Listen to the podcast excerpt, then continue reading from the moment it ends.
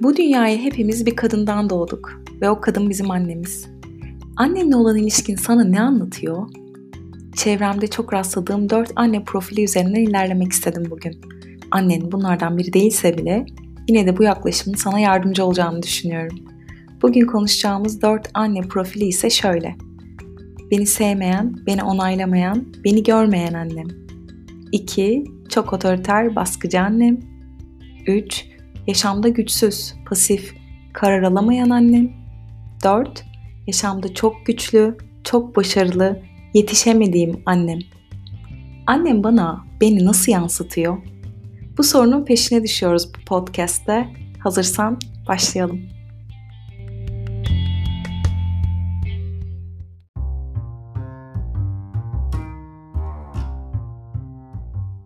Masalların o büyülü ilk cümlesini çok seviyorum. Bir varmış, bir yokmuş. Bu kısım bana çok romantik geliyor nedense. Önce toprağa bir tohum atıldı. Sonra bu tohum toprağa gömüldü. Orada beslendi. Tohum zamanla filizlendi. Tohumu toprak ana besledi, seni ise annen. İlk annenin gözleriyle gördün bu dünyayı. Onun kulaklarıyla duydun. Onunla nefes aldın, ilk onunla beslendin bu dünyadan. Bu dünyayı, yani maddeyi ilk annenle öğrendin sen. Bir tohumun, bir zigotun hikayesi de işte böyle başladı. Ve bu hikaye toprak anneye geri dönene dek devam edecek. Aynı masallardaki gibi. Bir varmışız, bir yokmuşuz bizde. Bu dünyadan geçerken topraktan gelip toprağa döneceğiz sadece. İşte bu topraktan gelme hikayesinin büyük bir mesajı vardır insana. Annemiz, madde dünyamızın bir metaforudur çünkü. Tüm maddesel algılarımızın başladığı yerdir anne. Bu sebeple bu dünya yaşamını kendimizi doğru anlamak için önce annemizi ve onunla kurduğumuz ilişkiyi iyi anlamamız gerekir. Bu anneye bakarak kendini okumaktır. Kendini okumak, tüm geçmişinin, seçmiş olduğun her şeyin sorumluluğunu üstlenmektir başta. Yaşamını bilgeliğe dönüştürmeye, gönüllü ve hazır bir kişi olmaktır bence kendin olmak. Yaşamının sorumluluğunu üstlenmek basit bir işte değildir. Hatta en zor şeydir bana kalırsa ve ne kadar acı verici olursa olsun eğer bunu yapabiliyorsan işte bu senin en cesur yanındır. Hadi yaşama korktuğumuz, fark etmeden yargıladığımız, onaylamadığımız ya da halının altına süpürdüğümüz taraflardan bakalım. Biraz sorumluluk alarak başlayalım. Bugüne kadar tam aksini düşünmüş olsan da annemizi bu dünyaya gelirken bizim seçtiğimizi düşünelim. Ruhsal planımızda bu anne olsun ve tüm kendimize has potansiyellerimizi gerçekleştirmek için tüm sorumluluğu kendi üzerimize alarak baştan bir kabulle yaklaşalım annemize. Evet, bu dünyaya onun çocuğu olarak gelmeyi sen seçtin.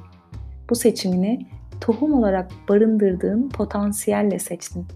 Çünkü senin var olabilmen, kendine yolculuk yapabilmen için en elverişli, en verimli toprak annendi. Çünkü her toprakta her tohum yetişmezdi. En güzel meyveleri verebilmek için seçim senindi.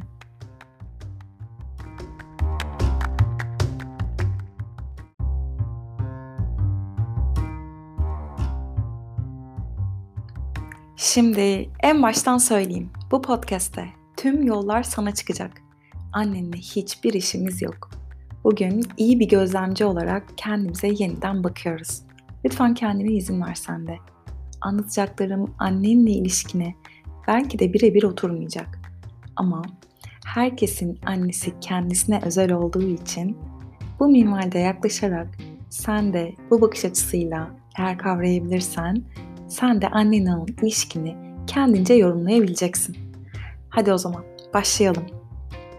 Annenin seni yeterince sevmediğini, ilgilenmediğini mi düşünüyorsun? Burada sormamız gereken bir soru var. Sen kendini ne kadar seviyorsun? Kendinle, bedeninle ne kadar ilgileniyorsun? Eğer annen tarafından yeterince sevilmediğin düşüncesindeysen, muhtemelen bir değersizlik potansiyeliyle doğdun. Evet farkındayım. Çok sert bir giriş oldu. Belki de şimdi diyorsun ki ben kendimi çok seviyorum. İşte tam da burada durup biraz düşünüp kendimize sevecen ama bir o kadar da samimi olmamız gerekiyor. kendimizi sevmek, cilt bakımı yapmak ya da iyi kıyafetler almak, beslenmemize dikkat etmek değil sadece. Sen kendinden razı mısın? Ya da kendini duyuyor musun? Çok istediğin bir şeyler var mı? Ve onlar için emek harcıyor musun? Sen kendini gerçekleştirmek için neler yapıyorsun? Bu dünyaya kendini gerçekleştirmek için geldin. Arkadaş ortamında, iş yerinde, okulda ya da romantik ilişkilerinde görünmez olduğun durumlar oluşması çok olası bu durumda.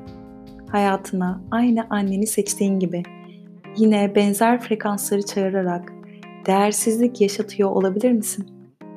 Bedenini olduğu gibi sevmek, kendini tüm potansiyellerinle önce kabul etmek, kendinle sevgi dilinde konuşmayı öğrenmek için annen harika bir aracı sadece.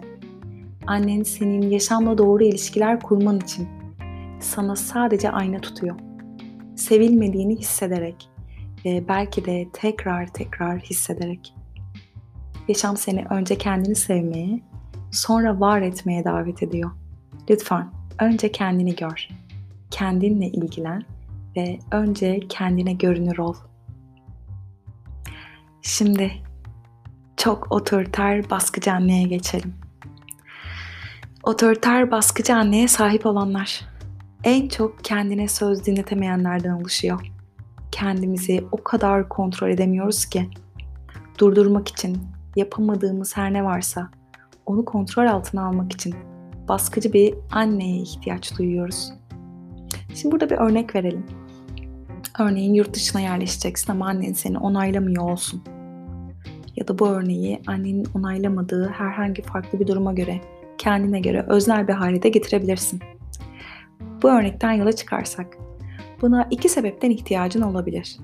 Birincisi, yurt dışına çıkmana izin vermiyordu ya annen. Belki de kabuğunu kırıp cesaret etmek için, güçlenmen için, aslında bilinç dışında, belki de bu durumdan korktuğun için böyle bir baskıya ihtiyaç duyuyor olabilir misin? Kendini gerçekleştirmek için ya da yurt dışına yerleşirken bir alanda saçmalayacağını düşünüyor olabilir misin? Bu sebeple bir engel koyuyor olabilirsin önüne. Belki de bir şeyleri başaramayacağından korkuyorsun. Altında yatan birçok korku ve kaygı var. Belki bunu bilincinle fark edemiyor olabilirsin.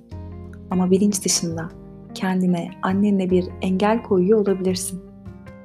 Eğer annenin otoritesi olmasaydı nasıl bir yaşamın olurdu bir düşünsene. Birisi senin yapman gerekenleri sana anlatıp duruyor. Neden ki? Buradaki sorunun cevabı önemli. Çünkü muhtemelen karnının yumuşak tarafı burası. Bu baskıya senin ihtiyacın var. Lütfen bu otorite figürüne, fayda penceresinden bak. Annen dönüşümün için seni, sinirlerini fazla zorluyor o kadar. Şimdi yaşamda güçsüz, pasif, karar alamayan annem bana ne anlatıyor olabilir? Annem gibi olmak istemiyorum. Güçsüz, pasif kalmak istemiyorum diyebilirsin. Bu sebeple dışarıda, işinde, okulda kendini gereğinden fazla ispatlama çabasında olabilirsin. İçeride, bilinç dışında anneni beğenmedikçe, onu güçsüz gördükçe kendini de dişil, yaratıcı tarafında onaylamıyor olabilirsin. Sürekli çırpın, çırpınıyorsun anneni güçsüz bulduğun için kendi başarılarını da göremeyip bir türlü onaylayamıyorsun kendini. Hep daha iyisi için parçalama kendini. Şimdi birazcık sakinleş. İşte bu gösterir ki bize senin yaşamının merkezinde annen var. Kendin olmak varken annen gibi olmamak var merkezinde. Sen bu frekansla kararlar alırken yaşam seni olmaktan korktuğun yere götürüyor olabilir. Hem de hiç fark etmeden. Kendi rotasını bulanlar, yaşama hep kendi merkezlerinden bakanlar olur. İçindeki güçsüz, karar alamayan, pasif insanla tanıştıysan, eğer bu potansiyeli fark ettiysen, şimdi onu yok edebilirsin. Belki de çoktan bunu aşmışsındır. Zaten sonuçlarına annenle beraber şahitlik ettin. Onun yaşamıyla bunlara şahitlik edebildin. Artık kendi merkezine dönme vaktin. Onayla artık kendini. Sen annen değilsin. yaşamda çok güçlü, çok başarılı, harika annem bana neler anlatıyor olabilir? Anneni çok yükseklere, aşılmaz tepelere koymuş olabilirsin. Bu harika anne senin önünde aşılmaz bir duvar gibi duruyor da olabilir. Belki onun kadar başarılı da değilsindir. Belki o anneyi seçmenin sebebi onun o güçlü yanlarını alıp hatta ikiye katlayıp onun çok daha iyi bir versiyonu haline dönüştürmektir kendini. O belki iyi bir kariyere sahiptir. İlla senin de kariyerli olman gerekmez. Bambaşka bir alanda en az onun kadar başarılı olma potansiyelini aynalar annen sana. Sistem annemizin kötü özelliklerini fark edip kendimizde dönüştürmek, iyileştirmek ve annemizin güçlü özelliklerini alıp hatta ikiye katlayıp kendi gerçekliğimizi oluşturmak üzerine kuruludur. Potansiyelinle anneni seçmenin sebebi de tam da budur. Özetle, annen yin, dişil, rahim tarafındır. Hangi cinsiyette olursan ol. Madde hayatındır, bedenindir, geçmişindir, yaratıcılığındır, parayı elinde tutma becerindir. O sadece senin annen değildir yani. Annenle kavgan yaşamında bu saydıklarımla kavgan şeklinde gösterir kendini. Sen anneni beğenmedikçe kendi dişil yanını beğenmezsin. Anneni iyileştirmeye çabaladıkça madde hayatını iyileştirmeye çabalarsın durmadan. Sen aşırı derecede anneci olursan aşırı derecede maddeci olursun yaşamda. Çok ilginç bir denklem bu. Eminim senin hikayen bambaşkadır ama bu minvalde okuyabilirsen anneni. İnan bana bulmacayı sen de çözeceksin. Bu sebeple anne deyince altı bayağı kabarık bu dosyanın.